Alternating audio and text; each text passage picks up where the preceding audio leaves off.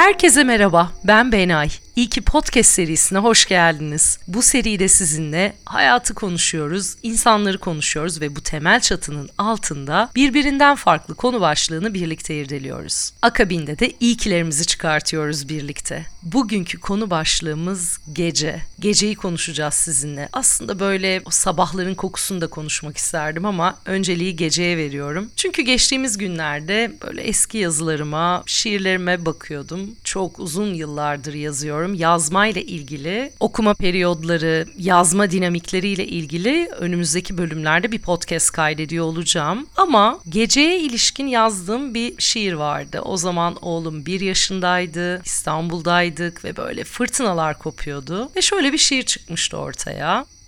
Yağmur haber salmış geceye adeta. Toplanmışlar damla damla. Dört bir koldan taş atıyorlar camlara. Çığlıklar atıyor şimşekler boyamaya çalışırcasına koskoca geceyi gündüze.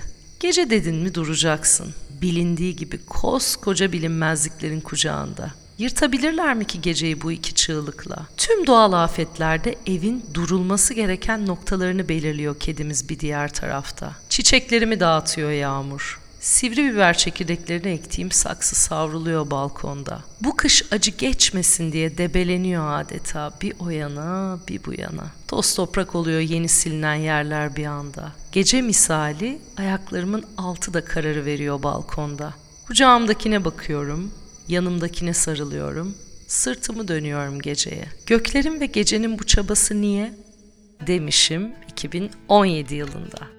Geceye olan sevgim konusunda gerçekten tereddütüm yok ama gecenin getirdiği olasılıkları pek sevmediğime eminim aslında. Geceyi seviyorum mesela ama kulakları sağır eden sessiz bir geceyi değil elbette. Gecenin mesela bizimle, zihnimizle konuştuğu her anı seviyorum ama zihnimizin gecenin karanlığında böyle bizim önümüzde gittiği anları değil dinginliğini seviyorum elbette gecenin. Kendimle kalmayı seviyorum mesela. 40 yıl yaşadığım ülkede gecenin aynı zamanda tehlikeli olabileceğini öğrettiler bize değil mi? Yani Taşındığım ülkede ise İsviçre'de geceye bakış açısı bambaşka. Biz mesela korkulardan sıyrılmak için, tehlikeleri azaltmak için böyle baya baya aydınlatıyoruz geceyi. Şehir hayatı da etkili tabii ki Türkiye'de, İstanbul'da.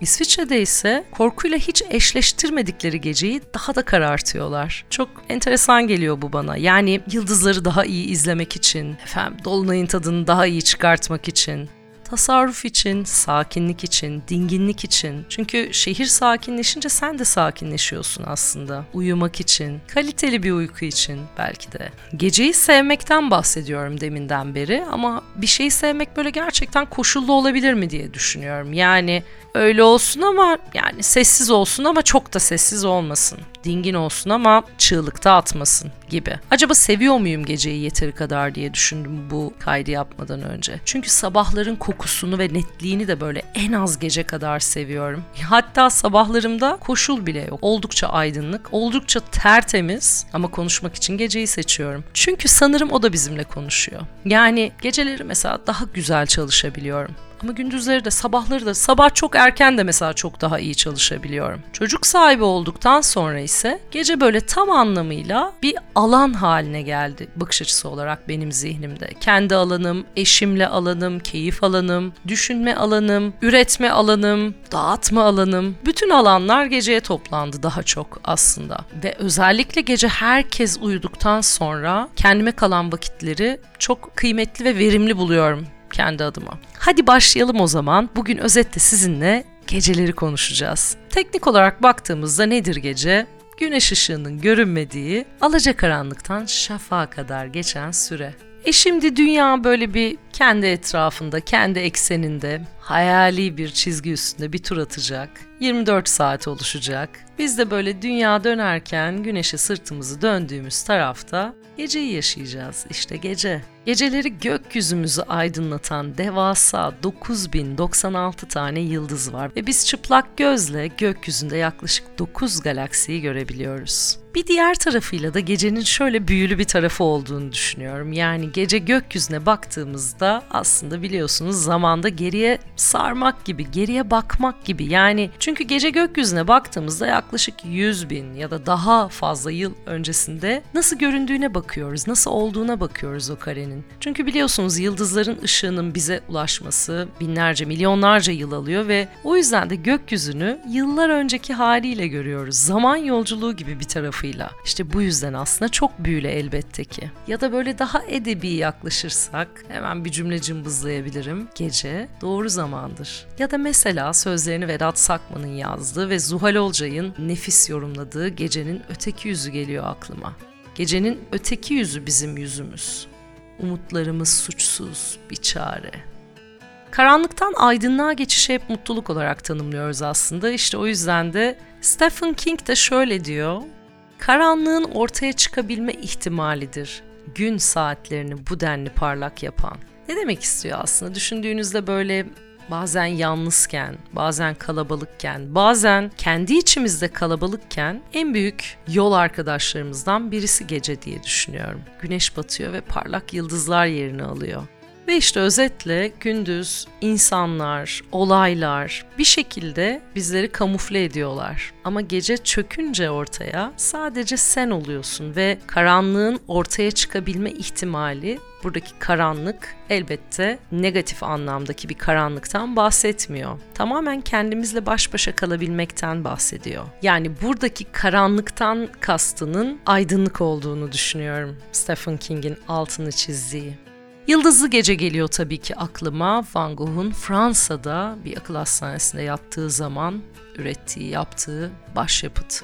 Tüm zamanların en tanınmış tablolarından birisi.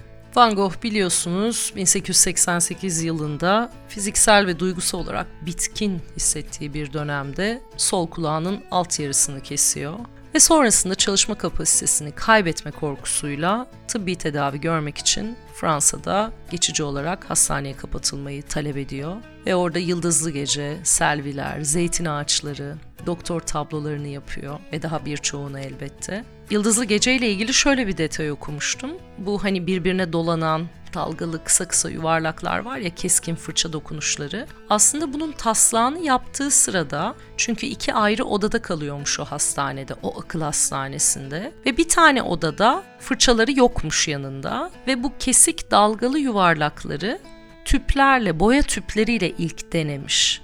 Yattığı odada resim yapma şansı yokmuş çünkü. Ayrı bir odada çalışmalarını yapıyormuş. Ve bu aslında akıl hastanesindeki yatak odasının penceresinden gördüğü manzaraymış. İşte o tüp elindeki tüp boyayla deneme amaçlı tuvalin olmadığı yatak odasında bu yuvarlak sarmal çizgileri denemiş önce. Yani bu gökyüzünün dönen kompozisyonunu. Van Gogh'un bu akşama ve geceye olan hayranlığı böyle kariyeri boyunca çeşitli eserlerinde hep yer almış ve bu duygusunu ölümsüzleştirmiş aslında. Çünkü onun için gece güvenlik, rahatlık ve yaratıcılık için bir zaman dilimi olarak yer almış hep hayatı boyunca. Ama Van Gogh karanlığın yalnızlık ve ıstırap duygularını da beraberinde getirdiğinin çok farkındaymış tabii ki. Akıl hastanesinde yattığı, uyuduğu odanın gökyüzünü tasvir ettiği bu yıldızlı gecenin gece bölümü evet gördüğü yani görmek istediği aslında elbette bir manzaraydı. Ama Yıldızlı Gece'nin içinde bulunan o kasaba tabii ki hayal ürünüydü ve bu tablonun içinde bir kilise kulesi var ve bunun da ana vatanı Hollanda'yı çağrıştırdığı düşünülüyor. Van Gogh genellikle mezarlıklarda bulunan ve yasla ilişkilendirilen bir servi ağacı da kullanıyor Yıldızlı Gece tablosunda. Bu ağaç da böyle dünyayı ve gökyüzünü birbirine bağlamaya hizmet ettiği söyleniyor. Yani sanatçının ölümle ilgili kendi düşüncelerini yansıttığı da düşünülüyor bir tarafıyla ve bu dönen fırça darbeleri elbette baktığınız anda hareket halinde o an anda hareket eden bir tabloya dönüşüyor izleyicilerin, alımlayıcıların karşısında. Ve o tablonun içinde bir tezat da var tabii ki. Gece gökyüzü enerjiyle dolu ama aşağıdaki o az önce bahsettiğim kasaba sessiz bir köy, sessiz bir kasaba, bir tezat da tabii ki oluşturuyor. Bu tabloyu ortaya çıkarttıktan yaklaşık bir sene sonra da maalesef intihar ediyor Van Gogh. Kardeşi Theo'ya yazdığı mektuplardan birinde şöyle diyor. Bu sabah penceremden gün doğumundan çok önce çok büyük görünen sabah yıldızından başka hiçbir şey olmadan kırsalı gördüm. Ben genellikle gecenin gündüzden daha canlı ve daha zengin renklere sahip olduğunu düşünmüşümdür. Ve Yıldızlı Gece tablosu 1941'den beri New York Modern Sanat Müzesi'nde muhafaza ediliyor. Van Gogh'un Yıldızlı Gece tablosundan bahsettikten sonra biraz da Sadık Hidayet'e gidelim istiyorum. Kör Baykuş kitabını okumayanlara elbette öneriyorum. Şöyle diyor, Karanlık odada resmin belirmesi gibi bir insanın içinde gizli olan şeyler de hayat koşuşturmacası ve kavgası içinde o aydınlıkta boğulup ölüyor. Sadece karanlıkta ve sessizlikte görünüyor insana. Bu karanlık benim içimdeydi onu yok etmek için boşuna uğraşmıştım. Üzüntüme gelince neden bir süre boşu boşuna başkalarının peşine takıldım diye düşünüyorum. Şimdi anladım ki benim en değerli yanım bu karanlık ve sessizlikmiş. Bu karanlık her canlının yaratılışında var. Yalnız inziva halinde kendi içimize döndüğümüz zaman ve dış dünyadan uzaklaştığımız zaman bize görünüyor. Ama insanlar hep bu karanlık ve inzivadan kaçmaya çalışıyorlar. Ölüm sesine kulaklarını tıkıyorlar. Kendi kişiliklerini hayatın hayhuyu arasında yok ediyorlar. Güneşte bir şey böyle şımarıklaşıyor, sıradanlaşıyor. Korku ve karanlık güzelliğin kaynağıdır diyor Sadık Hidayet. Ve şöyle devam ediyor. Bir kedi gündüz aydınlığında sıradan bir varlıktır. Ama geceleyin karanlıkta gözleri ışıldar, tüyleri parlar, hareketleri gizemli bir hal alır.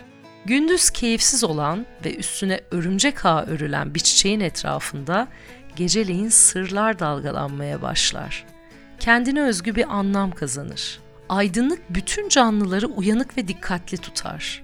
Karanlıkta ve loş ortamda her yaşam, sıradan her şey gizemli bir havaya bürünür. Kaybolan tüm korkular uyanır. Karanlıkta insan uyur ama işitir. Şahsı uyanıktır ve gerçek hayat o zaman başlar demiş Sadık Hidayet. Karanlıkta insan uyur ve işitir cümlesinden şuraya geçmek istiyorum. Şöyle bir bilgi var çok enteresan. Araştırmalar şunu gösteriyormuş ki uyurken her türlü gürültü az çok bizi uyandırabilecekken hiçbir koku bizi uyandıramıyormuş. Çok enteresan değil mi? Yangın alarmlarının icat edilmesinin nedenlerinden biri de buymuş. Gece bir şey unutup böyle altını açık bıraktığımız herhangi bir şeyin yanması ve bu yanık kokusunun bizi uyandırmamasının sebebi de aslında buymuş. Herhalde bu reseptörler kapanıyor uyurken diye düşünüyorum. Biraz da Bilge Karasu'yla devam edelim istiyorum. Gece kitabından Gece alegorisiyle. Önce karanlık ortamların varlığına yani varoluşuna dikkat çekiyor. Bir ufak paragraf paylaşacağım. Gece yavaş yavaş geliyor, iniyor. Çukur yerlere dolmaya başladı bile. Oraları doldurup ovaya doğru yayılmaya başlar başlamaz her yer boza dönüşecek. Işıklar yanmayacak bir süre. Ne çukurda ne de düzde. Tepelerin aydınlığı bir süre yeter gibi görünecek herkese. Sonra tepeler de karanlıkta kalacak. Ve sonra şöyle devam ediyor. Bu karanlığa direnen şeyin dil olduğunu paylaşıyor bizimle. Diyor ki, hiçbir ağırlığın, hiçbir gerçekliğin kalmadığı bu yerde karanlığın gerçekliğe benzer tek yanı konuşulabilmesi olacak. iki kişi arasında. Ve devam ediyor. Bir tek diller bilecek tepelerde, toprak altı saraylarında yanan ışıklar. Yalnız dil söyleyecek bu ışıkta yıkanan tek hücreli hayvanları. Ne de güzel söylüyor. Bu karanlığa direnen şey dil olacak diyor. Bilge Karasu'dan niktofillere geçelim diyorum. Nedir bu niktofiller? Biraz ondan bahsedelim. Nikto, gece kelimesi, filia, yani sevgi kelimesinin bir araya gelmesinden oluşuyor. Niktofil, gündüze göre geceyi daha çok sevmeye verilen ad, günün karanlık diliminde daha huzurlu ve daha rahat hissetme ve bir an önce gecenin olmasını isteme hali. Bu hislere sahip olan insanlara niktofil deniyor. Niktofiller elbette mutsuz değiller, karamsar değiller. Bu bir ön yargı niktofillerle ilgili. Aksine karanlıkta çok daha mutlu olabiliyorlar. Şiddete, intihara ya da agresif davranışlara meyilli olduklarını gösteren herhangi bir işarette yok. Renge karşı değiller yani gecenin kasvetini seviyorlar, karanlıkta huzur buluyorlar ama renk düşmanı insanlar değiller. Mevsimleri genelde kıştır diyorlar. Geceyi ve karanlığı seven bir niktofilin en sevdiği mevsim elbette ki gecelerin uzun olduğu kış mevsimidir diyorlar ve özetle kısacası niktofillerin günü, gece, mevsimleri de kıştır demişler. Kesinlikle anormal değiller. Niktofillerin aksine rafine zevkleri olan insanlar olduğu söyleniyor bütün araştırmalarda. Gündüzleri böyle pek hoşlanmadıkları için zihinleri daha çok gece çalışmaya ayarlı gibi niktofillerin. Yaratıcı aktiviteleri, sevdikleri bütün uğraşları gece yapmayı seviyorlar. Gün içerisinde mesela daha verimsiz olabiliyorlar. Niktofillerde de e, Van Gogh kaderine ortaklık olarak tanımlanıyor aslında. Az önce bahsetmiştim Theo'ya yazdığı mektupta. Şöyle demişti Van Gogh, çoğunlukla gecenin gündüzden daha canlı ve daha zengin renkleri olduğunu düşünüyorum demişti. Büyük ihtimalle Van Gogh'un da bir niktofil olduğunu düşünüyorlar. Evet gece severlerden bir gece şarkısına geçelim istiyorum. Cahit Sıtkı Tarancı'nın Gece Şarkısı diye bir şiir var. Onu paylaşmak istiyorum sizinle. Alemde gündüz gönlüme işkencedir. Bence bayram ufukta gün bitincedir. Günün geçit vermez karlı dağlarını. Sanki sihirbaz bir el eritincedir. Bütün gün beklediğim bahar ki gece, gökte yıldızların da ümidincedir. Yollar, yollar da nihayet içime denk. Sonsuzlaşarak başıboş gidincedir. Ben ister güleyim, ister ağlayayım, sesimi yalnız kendim işitincedir. Alemde gündüz, gönlüme işkencedir. Bence bayram, ufukta gün bitincedir. Gelelim bu bölümün ilklerine. Bana sorarsanız gece böyle gündüzün tüneli gibidir. Yani günü yine güne bağlayan bir tünel gibidir. İçinde kaybolabildiğimiz, içinde bazen korkabildiğimiz, bazen çok uzun, bazen çok kısa süren bir tünel gibidir aslında. Bizi güne bağladığı için ve bütün deneyimlerimiz için gecelere iyi ki demek istiyorum. Her gecenin bir sabahı olmasına elbette iyi ki demek istiyorum. Ve gecemi gündüzüme kattığım, delilerce çalıştığım her geceye iyi ki demek istiyorum. Geceniz de, gündüzünüz de hep aydınlık olsun olur mu? İyi ki geldiniz. Bu bölümde sizinle geceyi konuştuk. Önümüzdeki bölümde görüşmek üzere. Kendinize iyi bakın. İyi ki podcast hesabını Instagram'dan takip edebilirsiniz. Hoşçakalın.